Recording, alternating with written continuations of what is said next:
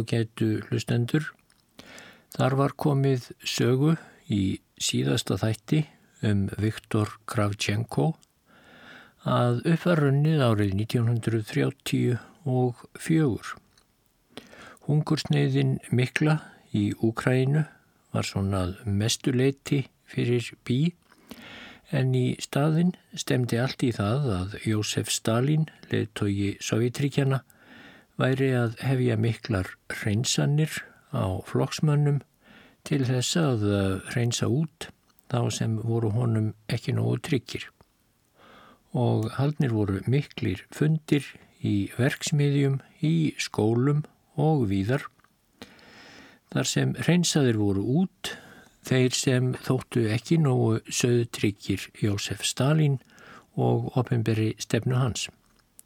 Kravchenko hafði áhyggjur. Hann var að vísu diggur kommunisti og flokksmaður en hann vissi það líka óskup vel að þegar hann hafði nokkrum missirum fyrr verið fulltrúi kommunistaflokksins í sveitaþorpunum í Úgrænu þegar hungursneiðin var sem hörðust þá hafðan aðhafst ímislegt sem fór ekki í samræmi við ítrustu flokkslínu. Og Kravchenko vissi það líka að ymsir af félögum hans vissu þetta vel.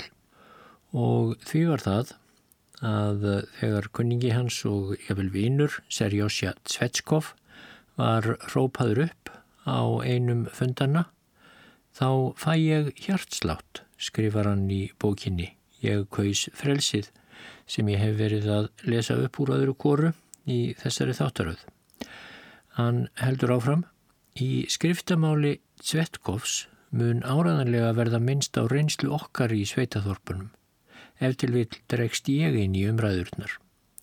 Ég veit að Tvetkov er örgeðja og óttast bæði um örgi hans en líka um örgi mitt. Þegar Tvetkov stendur þarna á pallinum og allir horfa á hann og yfirherslan yfir honum er í þann vegin að hefjast, þá lítur hann allt of ungæðislega út og allt of hjálparvana. Ungæðisháttur hans sínist næstum því vera móðgun í þessari kuldalegu samkundu.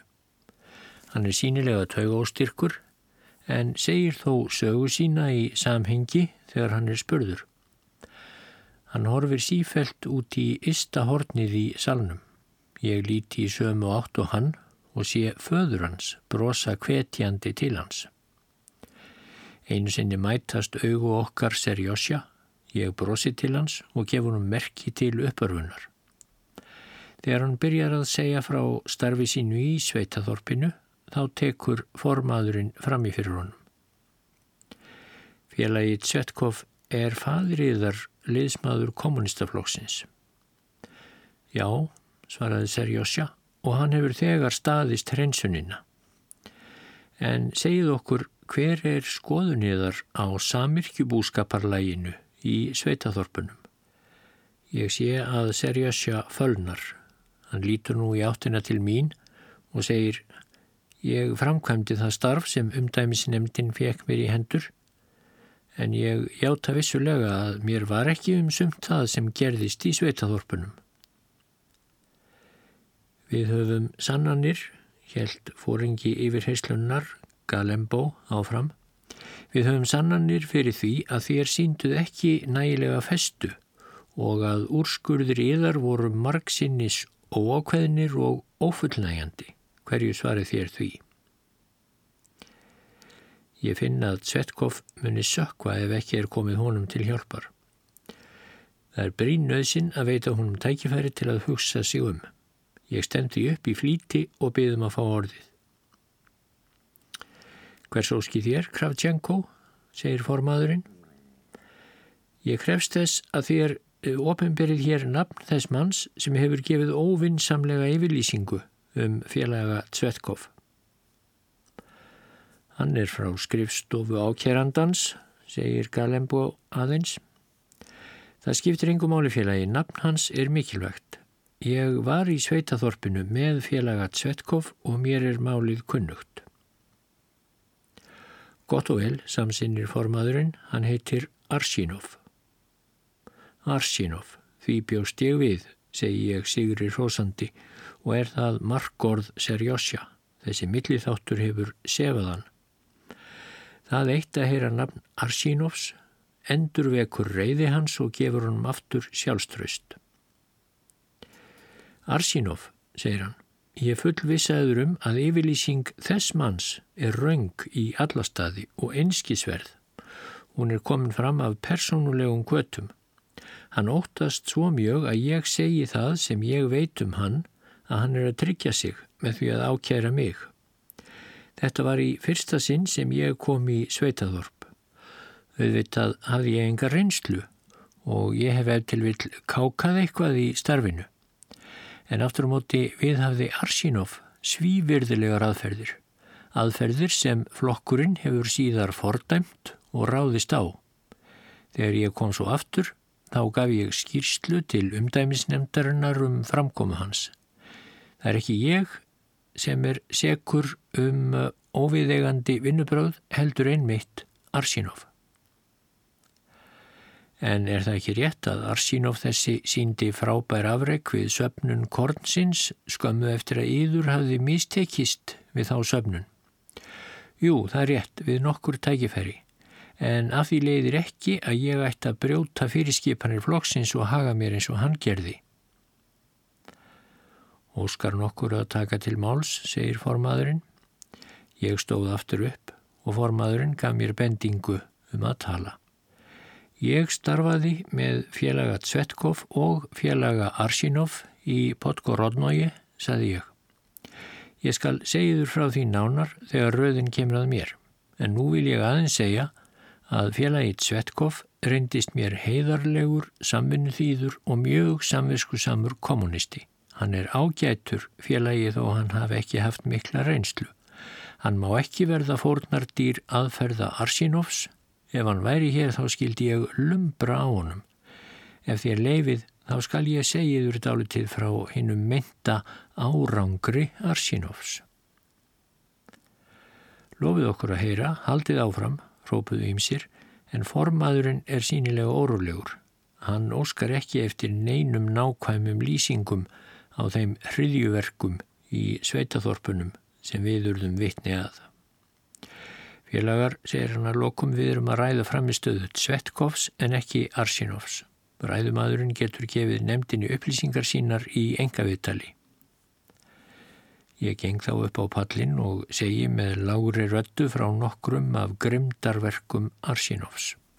Nemndarmennirinnir skrifa upp hjá sér til minnis.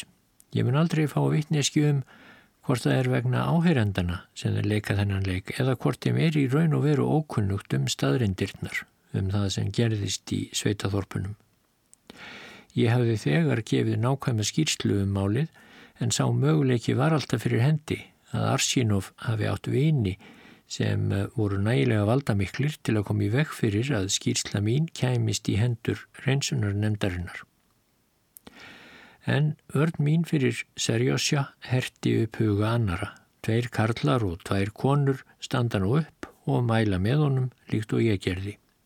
Svetkov er afhengt aftur flokkskýrteini sitt, hann gengur beina leið frá pallinum til mín, hann tekur þakklátur í hönd mér með tárin í augunum, því næst gengur hann til föður síns sem faðmar hann að sér.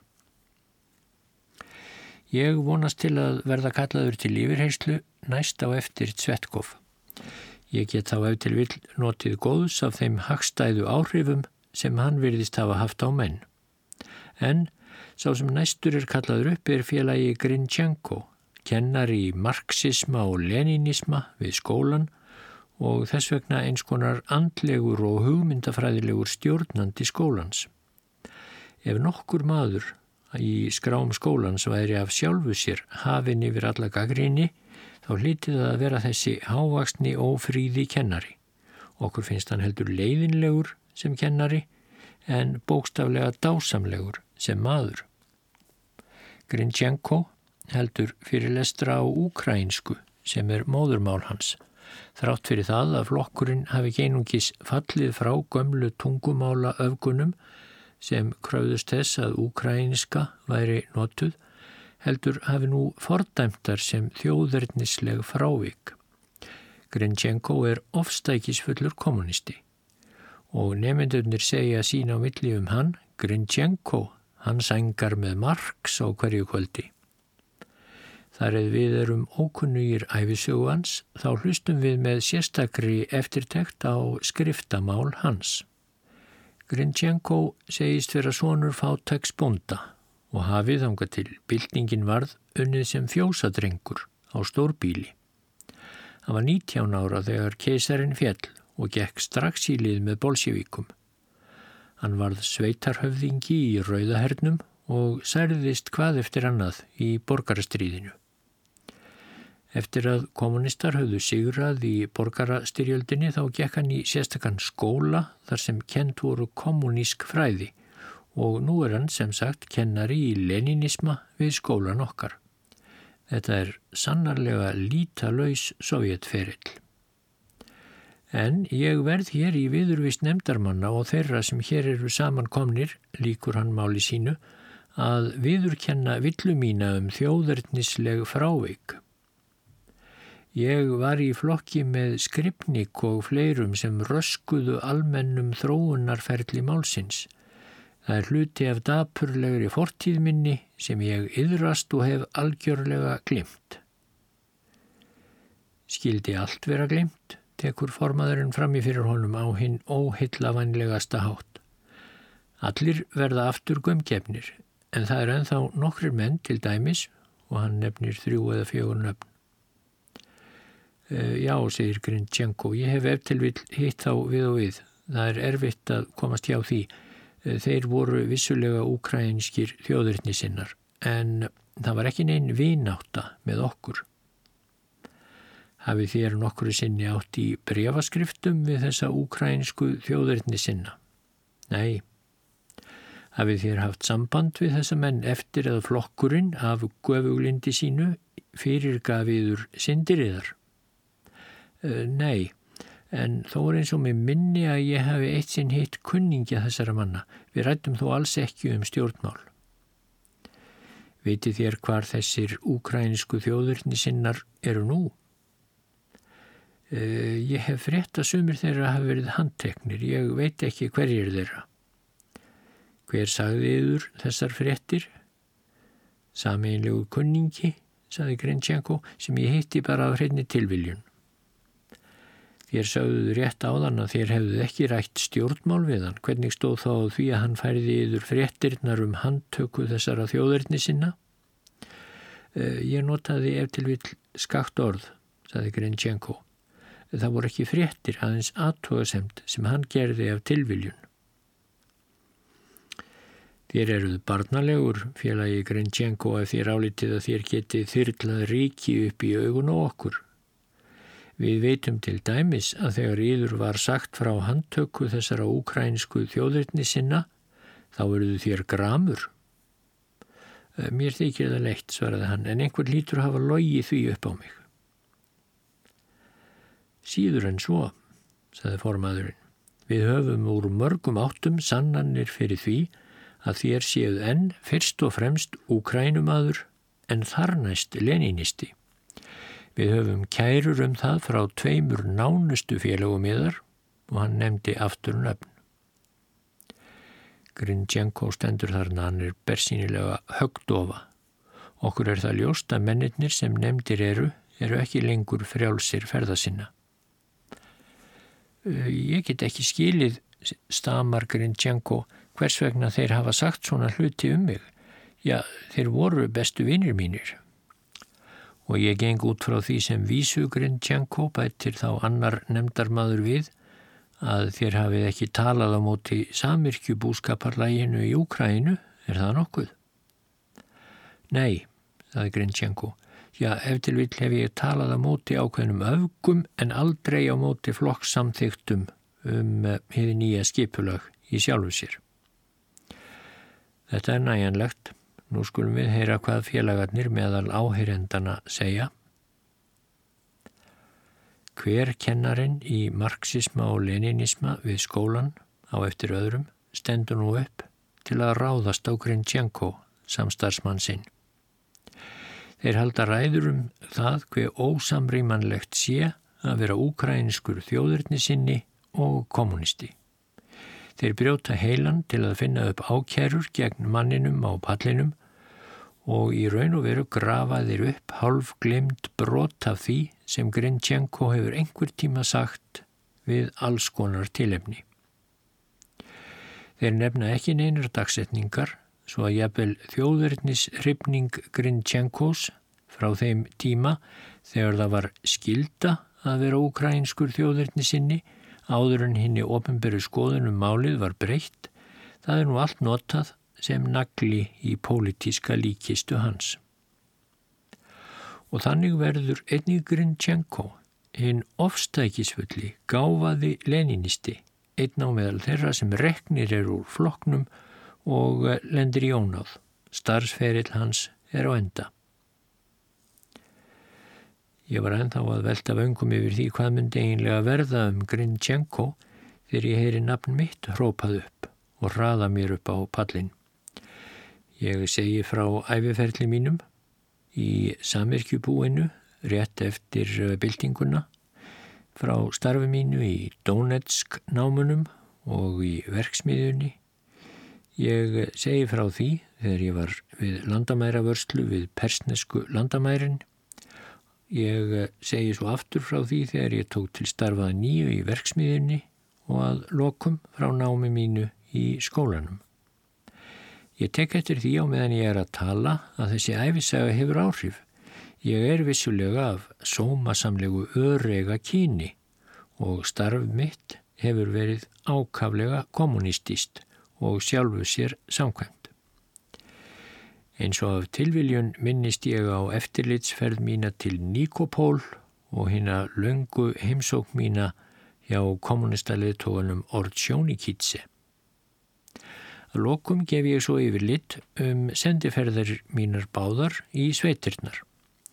Þar eða ég veit að aðrir hafa gefið skýrslur um mig þá leini ég því ekki að ég hef tekið nokkrar eh, djarvar ákvarðanir en held í fram að aðstæðurnar hafi gert það nöðsynlegt. En hvernig voru atveikina því að þér töpuðuð flokkskýrteini yðar? Er eður ljóst að það er mjög alvarlegt brot á flokksreglunum?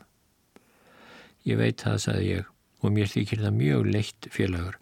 Það átti sér stað á meðan uppskeran stóð sem hæst. Ég tók við vinnu samirkjubónda sem allt í einu hafi liðið yfir og tapaði veski mínu í önnunum. Hérna er vottorðum atvikið frá pólitísku deildinni í þorpinu. Nemndarmennir rannsökuðu gömgefilega skjalið sem ég hafi látið útbúa um þennan atburð þegar ég týndi flokkskýrtininu mínu, þeir bættu því við eh, heftið mitt og heldu svo áfram yfir heyslu sinni. Við höfum sannanir fyrir því ótvíræðar að þér voruð andvígur hinnum röggsamlegu starfsaðferðum sem við hafðar voru við söpnun kornsins í Úkrænu, segir einn nefndarmadurinn, og að þér kostuðu rýrð á löggildan umbóðsmann flokksins. Þert á mótifélagar, segi ég, Það var hann sem kastaði rýrð á flokkin. Ég genga því vísu að þér eigið hér við Arsínov. Ég hef þegar sagt yður frá starfs aðferðum hans. Já, já, viður kendi nefndarmadurinn. Við skulum segja að það hafi verið Arsínov. Ef svo er, félagi formaður, þá er ég hér með eftirrit af skýrsluminni til umdæmisnefndarinnar og til pravda um hann. Þér munuð sjá að Arsínov var flokknum og kommunistanafninu til skammar. Ég gerði allt sem ég gatt til að verja sóma flokksins gegn starfsaðferðum hans og það er ástæðan fyrir því að hann reynir að koma óorði á mig. Hann notaði líkamlegar starfsaðferðir. Hvers konar líkamlegar starfsaðferðir, spurði einn meðal áheyrendana. Fyrir nefndinni líkur málið nú alveg ljóst flýtti formaðurinn sér þá að segja hann var ákafur í að skipta um umræðuefni. Líkamlegar starfsaðferðir vildu þeir ekki ræða því það vissu allir að það þýtti ekkert annað en ofbeldi og í verstu tilfellum pyntingar. Segið okkur heldur eitthvað um starfsaðferðir yðar við uppskeruna í Lógína. Þetta var versta útreið sem ég hef orðið fyrir. Ég hafði algjörlega undirbúið frásögn mína í marga daga að ég veit að nákvæmlega hvað ég hafði ætlað að segja. En á einnið annan hátt hafðu hinnar tilbúinu setningar mínar flækst allar saman. Ég gæti ekki greitt úr þeim. Ég varða að játa að ég hefði látið slá havra og bygg til að bjarga uppskerunni, að ég hefði skipulagt barnaheimili og notað svo nefnd föst tök til að útvega mat handa börnunum, bjarga fólkinu og ráða fram úr vandræðunum. Allt þetta hefði átt að verða mér til ross en á svona fundi gæti ég einmitt lendi vandræðum vegna þess arna. Félagi Hatajevich þakkaði mér persónulega fyrir uppskýruna, flíti ég mér að taka fram þegar ég var búin að ljúka frásögn minni Uppskýrunni var lokið tíu dögum á undan áallun og hér er skrifilega yfirlýsing frá pólitísku deildinni um að ég hafi starfað vel. Ég rétti þeim skjalið. Ég er óskað eftir frekari upplýsingum. Formaðurinn er nú í vandræðum. Ég hef gætt þess að koma vel undir búin að sönnunargögnum. Ef það hefur verið ætlun hans að málið yrði mér mótdrækt þá er hann nú farin að heka. En þá er ekki útilokað að ég bjargist. Hann beinir spurningum sínum inn á nýjar brautir og mér verður þá hughægra. Hvar starfar fadriðar? Hann vinnur í Petrovski Lenin verksmiðinni hér í borg á samt yngri bróður mínum en eldri bróður minn er bókari í efnagerð. Er fadriðar flokksböndin? Nei. Bræðuriðar? Nei. Hvers vegna satt fadriðar í fangelsi fyrir byltinguna? fyrir byltingarstarfsemi bæði í uppreysninni 1905 og einnig síðar. Í hvaða flokki var hann? Hann hefur aldrei verið í neinum flokki, svara ég. Eru þér vissum það? Alveg viss, félagi Galembó. Gott, óskar nokkur að taka til máls. Þrýr félagar byggja um orðið og ráðast á mig en þó nokkrir félagar, þar á meðal Serjósja Tvetskov, rósa mér. En yngum flugveldum er þó skotið, menn ganga út til að reykja og tala saman. Þetta er leiðinlegt mál og ekki mjög spennandi. Mér er að lokum afhengt skýrtinni mitt aftur. Áður en ég fer niður af pallinum þá byrði ég nefndarmenninu um að segja mér hver hafi ákjært mig vegna dvalarminnar í Lókína. Þeir leita í heftum sínum Maðurinn hefur sínilega ekki beðið um að halda nafni sínu lendu. Það er flokksmaður félagi Skópín, segir mér. Það var einmitt það sem ég bjóst við, segi ég brosandi. GPU í pólitísku deildinni hafði þá ekki fyrirgefið mér að ég neytaði að tala við hann. En vinir mínir sapnast utanum mig og taka í höndin á mér. Lífið likur nú eins og bein braut fyrir framann okkur. Við erum enþá vel séðir flokksmenn þótt öðrum hafi þegar verið kastað út í istumirkur. Í byrjun ársins 1934 tilkynnti félagi Lazar Kaganovic í Moskvu að 182.000 flokksmenn hefðu verið reknir úr flokknum fyrir ymsar sakir. Hann hvað hinn er endanlegu tölur myndu verða nokkuru herri þar eð hreinsuninni væri enn ekki lokið í sumum héröðum. Ferli yfir 200.000 flokksmanna kommunistaflokksins væri þar með lokið. En það sannaði ekki, eins og Kaganovic benti líka á, að flokkurinn hefði verið hreinsaður með öllu og að hann væri nú í raun og veru orðin samleitur eins og talið var eftirsóknarvert. Ég var sjálfur sönnun hins gagnstæða. Þótt ég hefði staðist prófið, þá var ég eflaust evagjarnari og órólegri í huga en þúsundir þeirra karla og kvenna sem þegar hafði verið kastað á hinn politíska sorphaug. Sama var vafalust hægt að segja um 2000 annara karla og kvenna sem sum voru farin að evast svo lítið um hvort fórista kommunistaflokksins væri óskeikul. Flokksfóringjarnir gáttu eftir vill sjálfur haldið að síðustu leifar frávika og óanæju hefði verið þurkaðar út eins og Kakanovits tók til orða. En við, almennu flokksmennirnir,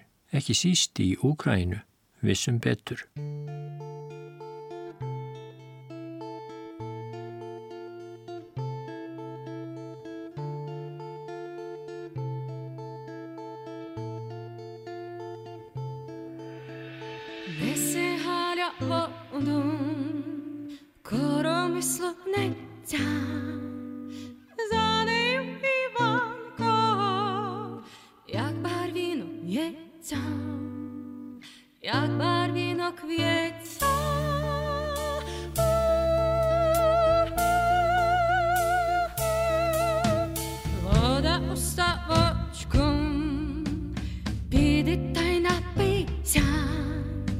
Я буду в садочку, прийди подивися, прийди подивися. Nú gafst svolítið hlið eftir þessa fyrstu umferð reynsanana til að sinna námi og öðrum störfum en það hlið varð stutt. Árgangur sá sem átti að taka lokapróf í skólanum bjóð sig af kappi undir það. Það var skilirði til að standast prófið og fá prófskýrteini að nefnandin listi úr sjálfstæðu tæknilegu viðfangsefni sem stjórnskipuð nefnd hefði tekið gild og ég lagði mig allan fram við að ljúka við mitt viðfangsefni. Hvers fór mikil tími í raun hæftin ám sem við stunduðum sem eins konar aðstóðarmenn í hinnum ímsu málmvöru verksmiðjum. Það sem við þörnuðumst mest var andlegt næði, laust frá stjórnmálunum. En örlögin voru okkur ekki hliðhóll í því efni, því að einmitt Þessir síðustu mánuður urðu óráðskendir vegna pólitísks harmleiks sem nú reyði yfir. Þegar bestlétt höfðum við harla lítið næði til náms í skólanum. Utan skólans fór mikill hluti starfsorku okkar í að sinna pólitískum verkefnum og svo í flokks reynsanirnar. Stundum var eins og námið væri bara aukastarf. En nú var það litla næði sem við höfðum haft rofið. Skambissuskot í henni fjarlægu Leningrad 1. desember 1934 hafði enguminni áhrif á líf okkar í Dnepropetrovsk en þó að jarðskjálti hefði orðið þar á staðnum. Þessu byssuskoti var hleyft af í andir í byggingar þeirrar sem Smolny mentastofnunin hafði áður haft aðsetur í en var nú aðalstöð flokksins í Leningrad. Sá sem held á bissunni var ungur kommunisti, Nikolajev að nafni. Sergei Kirov, ungur og efnilegur meðlimur stjórnmálanemdarinnar og í raun og veru einræðisherra Norður Rúslands fjell döður við fætur Nikolajevs. Bergmálið af þessu bissuskoti átti fyrir sér að hljóma í mörg ár í Sáitríkjunum. Áður en það þagnaði hafðu mörg hundru þúsund mannslífa verið lögð í rúst, nú eða slögt með öllu. Sjálfur varði ég að bæta fyrir ofbeldisverk þessa óþekta unga manns með margra ára þjáningum. Stalin og Vorosílov skunduðu þegar í stað til Leningrad þegar fréttist að Kírov hefði verið myrtur. Eftir því sem alltalað var millir flokksmanna stjórnaði Stalin personulega yfir hinslunum yfir Nikolajev. Þetta gæti enginn sem ekki var viðstattur vitað hvaða upplýsingar Stalin fekk hjá morðingjanum. En af því hvernig hann hagaði sér síðar er hægt að álíkta að hann hafi orðið skjelvingu lostin. Mörg hundruð manna í Leningrad sem grunur lék á að hefðu á einhvern nátt haft samúð með málstað morðingjans voru handteknir og skotnir án yfirherslu. Aðrir, og þeir skiptu líka hundruðum, voru dregnir út úr fangelsunum sem þeir hefðu setið í svo árum skipti og teknir af lífi. Þetta var ofnber hemd á fjandmannum flokksins. Fangelsi borgarinnar voru tróðfull Flutningalestir fluttu þúsundir pólitískra aðskotadýra eins og það var orðað út úr borginni til fjarlægra útlegðar staða í Sýberju. Frá Leningrad breyttist þessi nýja ógnarstjórn til Moskvu, Kíef, Kharkiv og að lokum um allt landið. Í fyrstu frásögnunum um dauða Kírófs var sagt að morðingin hefði verið flugumadur huglausra útlendinga, eista, pólverja, þjóðverja en að lokum englendinga. Því næst kom runa af ofinberum skýrslum sem gáfu óljóst í skín að samband væri millir Nikolajevs og núverandi eða fyrverandi áhangenda Trotskís, Sinovjevs, Kamenjevs og annara gamla frávillinga úr bolsjevíkafloknum. Næstum því á klukkustundar fresti stækkaði hópur þeirra manna sem grunur lék á að væru annarkvort beinlínis eða siðferðilega bendlaðir við morðið þanga til hann beintist að hverjum einasta manni sem hafði einhver tíma látið í ljós einhvern vafa um stjórnmálastefnu Stalins. Áróðursvélinn var nú sett á fullaferð. Leðtógarnir og blöð þeirra sem glimtu að þeir höfðu dæin áður gortað af óviðjafnanlegri einingu hins einlita flokks, þeir eftu nú að fullkominni móðursíki um að í flokknum úði og grúði af landráðamönnum og frávillingum, grímuklættum svikurum og hreinum skemdarverkamönnum. Einning var óljóst gefið í skín að umværi að ræða samsæri með þögglu samþykki auðvaldsríkjana sem væri að undirbúa styrjöld á hendur föðurlandi sósialismans. Þeir okkar sem höfðu nasa sjón af stjórnmálum vissu að stórkoslegar blóðsútællingar stóðu nú fyrir dyrum. Og við höfðum rétt fyrir okkur. Á næstu árum ríkti hinn mesta og hræðilegasta ógnarstjórn sem nokkru sinni hefur átt sér stað í gerfallri sögur Úslands. Meðal flokksmanna breyttist reyndar út sá orðrómur að morð Nikolajevs hefði alls ekki verið af pólitískum rótum runnið. Hann hefði skotið Kírov í afbríðisemiskasti vegna þess að Kírov hefði átt vingott við hina fagru eiginkonu Nikolajevs. Þess áttar óstaðfestar fregnir og hinn stefnufasti áróður gerðu í saminningu þetta morð að lindardómi sem til þessa dags hefur ekki fengist lausn á. Nokkru setna sendi miðstjórn flokksins út einskonar ofinvert lokað bref sem að viðlögðu þagnarloforði var lesið upp á sérstökum fundum virkustu flokksfélagana um all landið. Og í þessu brefi var ekkert farið út í persónulegar ástæður. Í brefinu var morðinu á Kírov einvörðungu líst sem tákni viðtækrar baráttu fjandmanna byltingarinnar gegn leðtóum flokksins og stjórnmálastefnu þeirra.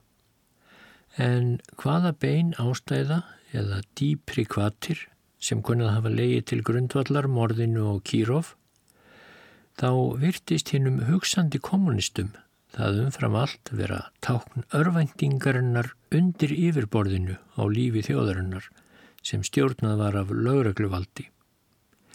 Sérkver okkar kannadist við beskjuna og örvæntinguna af eigin reynslu.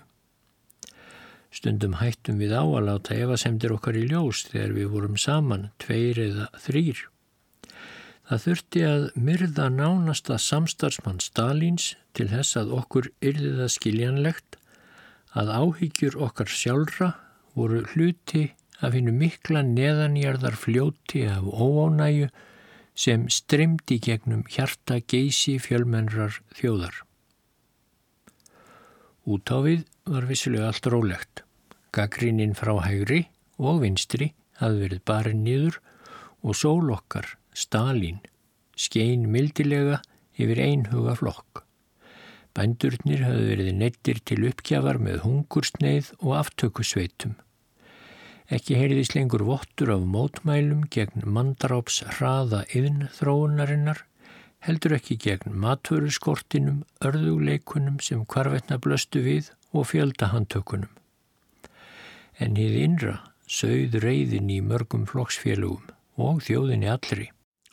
Undir devð afskiptaleysisins, undir skorpuð þögullar örvæntingarinnar, sögð hið heita raunflóð frumstæðrar reyði.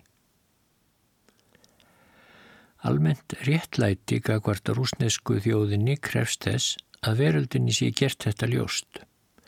Þjóðin var magnlaus í þjáningum sínum, veikluð af 20 ára ofriði, byltingu, sulti og skipulögðum ofsóknum. Hún var ringluð af slagorðum, afvegarleitt af lígum og án allsambands við umheiminn. En þrátt fyrir þetta félst hún aldrei á grimdarverk drotnara síns. Beskjan var mest innan sjálfsflokksins því að þar blandaðist hún sektartilfinningu og henni betru vitund um vanmáttin gagvart stjórnendunum og ægivaldi þeirra. Það er engin tilviljun að Nikolajef og þeir sem voru ákjærður um beina hlutild í glæpans voru allir ungir menn, afsprengir ástjórnartímabilsins, flestir stúdendar. Frá fornu fari hafa æður í skólar Rúslands æfinlega verið klagstöðvar byltingarkendrar hugssjónastefnu. En nú var þessi hugssjónastefna kölluð gagnbyltingarkend, en hún var þó enni í samræmi við erðavenjuna og að aldrei væri minnst á það einu orði í blöðunum, þá var það alkunnugt meðal kommunista að þúsundir stúdenta hafðu verið handteknir eftir morðið á Kírov og hundruð þeirra teknir af lífi. Það var nót til að vekja grun leinithjónustunnar ef hópur stúdenta kom saman eitthvert kvöldið á einhverju heimili til að dansa og skemta sér. Það var ekki ofinjulegur viðbörður upp úr þessu að nefendur hirfu skindilega úr skólanum. Við spurðum einskís, við létum sem við tækjum ekki eftir því. En við höfum alltaf samúð með þeim nefendum sem handteknir höfðu verið, við höfum aldrei samúð með lögreglunni. Við ákvaðum með sjálfum okkur að gæta betur tungu okkar því það að tala hreinskilnislega var nú tólkað að tala sem andkommunisti. Vonbreyði mín voru þegar orðin meiri en ég þorði að viðurkenna með sjálfum mér, hvað þá fyrir öðrum. Einn mitt af þeirri ástæðu forðaðist ég að taka þátt í umræðum um stjórnmál eftir bestu getu. En þar sem ég var aðeins maður og auk þess rússi eða úkrænumadur, þá let ég við og við eitthvað ofmælt þegar ég var í hópi vina sem ég bar fullt tröst til.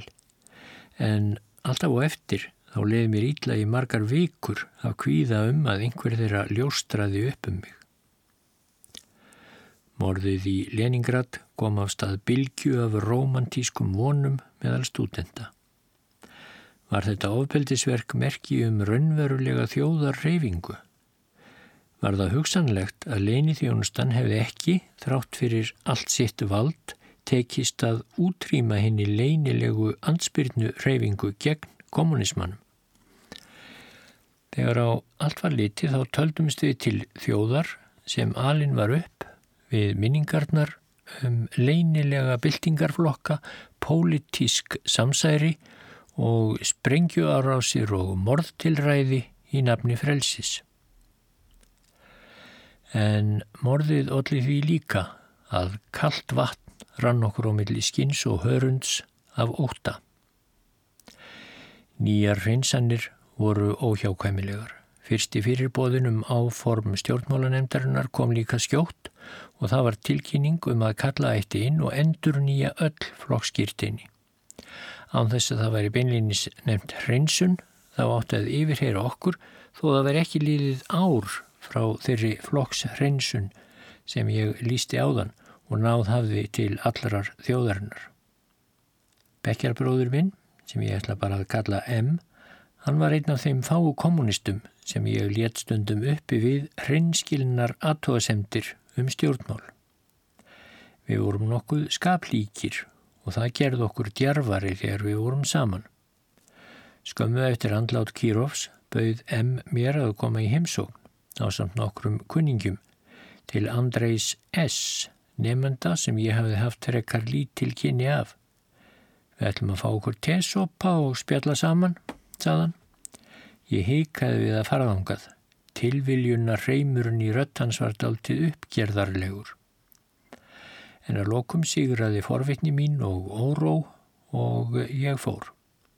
Andrei S. var hár, fölur maður um þrítugt, með reynskilnislegan andlitsvip og blá djúpsett augu. Hann var við lesin og gæti að vel verið mælskur um jafn andlaus umræðefni og aðferðir við stálframleiðslu. Hann var hversmanns hugljúfi og naut mikillar virðingar. Þegar ég kom í litla herbergið hans Andrei S. þarna um kvöldið þá var M þar fyrir og tveir aðri nefnendur báðir frá annari mentastofnun. Við sátum umhverfis glóðheitan samóvarinn í skímunni frá einni lítilli ljósaperu og töluðum um daginn og veginn en forðuðumst að minnast á þau málefni sem voru efst í huga okkar allra. Það var eins og við verum að þreyfa fyrir okkur um hugarfar hvers og eins. Ég veitti þeirri enginlegu staðrind aðtikli að hínir ávarpuðu hver annan með dullnefnum Það eitt var nóg til að setja samsæri svip á þennan fund. Var það bæði uggvænlegt en líka heillandi. Mörgum rúsum er gyrnileg svo íþrótt að leika sér að eldinum. Ég var nýliði í þessum áhættu sömu viðræðum um pólitísk málefni en hinnir virtust verið að leika áfram leik sem þeir höfðu þegar tamið sér. Eftir tölverða stund var svo allir í varúð allt í einu varpað fyrir róða. Við lendum í heitum umræðum um morðið á Kírov. Rattir okkar urðu háværar og eldur brann úr augum okkar. Æstir af orðum okkar sjálfra þá fóru við brátt að tala um harðstjóran í Kreml og meðumkun okkar með henni kúuðu rúsnesku þjóð. Þetta myndi óneitanlega á bensku minningar mínar þegar fadir minn og nokkrir byltingar sinnaðir vinir hans átti í heitum umræðum um kúun keisarastjórnarinnar í dagstofunni okkar við Púskintorkið heima. Við álítum, sagði Andrei S., að kvatamadur hafi staðið á bakvið skotin í Kólajefs. Orðið við hafði gegvanlegan hljóm. Ég hafði ekki minnstu hugmyndum hvað hann átti við. Já, kvatamadur. Það var óþart og skadalegt. Stalin verður að skapa sér góða stöðu til þess að geta hafið upprætingar baráttu sína gegn þeim hlutaflokksins sem er honum ósamála og nú hefur hann fengið tilefnið. Nú skiptir Nikolajev ekki lengur máli. Hann og vinnir hans hafa fengið sinn dóm. Aðalatriðið er að glæpamanna klíkan í Kreml hefur nú fengið ágætt yfirvarp til þess að riðja úr vegi öllum mótstöðu mönnum sínum og gaggrinendum. Takið eftir orðum mínum, félagar, þúsundir, ef til vil miljónir manna munu ef eftir að gjalda fyrir bissuskot Nikolajevs.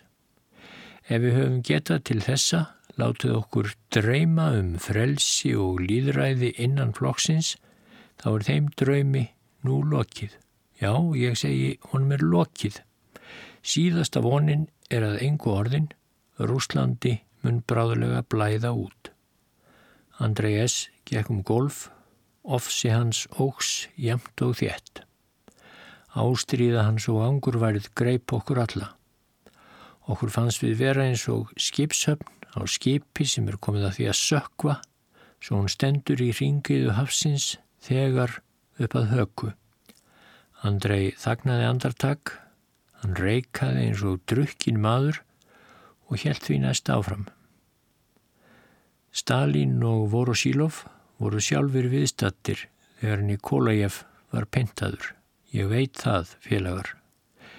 Þeir kröfðust þess að hann skýriði frá nöfnum, nöfnum og enn fleiri nöfnum, skotmörkum handa aftökusveitunum. En það skiptir raunar engum máli hvað lögreglumennir hafa tókað upp úr Nikolajev Þeir munu skrifa þá hjáttningu sem Stalin vill og þarnast og svo mun sláttrunnin halda áfram, mót stöðu laust og verða réttlætt frá fræðilegu sjónarmiði. Sá yngsti í hópnum var lágaksinn fölleitur nefandi. Hann var einkennilega fallegur álitum þrátt fyrir veiklulegt útlitt. Þegar hann stóð skindileg upp og hafði yfir ljóðið Kreto eftir byltingarskáldið Rílejev. Ég veit að dauðin býður þess sem fyrstur rýs upp móti harðstjóra þjóðarinnar. Mín býður dómurinn þegar. Og ég vil deyja fyrir mitt elskaða land. Ég finn það og ég veit það. Magurt andlit hans virtist gjör breytt meðan hann sagði fram orðin. Hann leit út eins og persóna úr hennum miklu byltingarfrásögnum Dostojevskís og Gorkís komin ljós lifandi fram á sjónarsviðið. Þó að þetta væri töfrandi fagurt, þá var ég ákaflega leiður yfir því að hafa tekið þátt í þessum fundi. Þetta var allt saman svo skjelvilega barnalegt, óraunhæft og þýðingarlaust. Ég vil tilgangurinn með fundinum var mér ráðgáta. Lesin var upp, bannaður, fjölreitaður rittlingur eftir einn af leðtógum andstöðunar, sleppkofaðnafni, Það sem ráðist var harkalega á allræðisherran í Kreml og klíku hans. Það voru einu merkilegu nýjungarnar sem ég heyrði á þessum einkennilega fundi.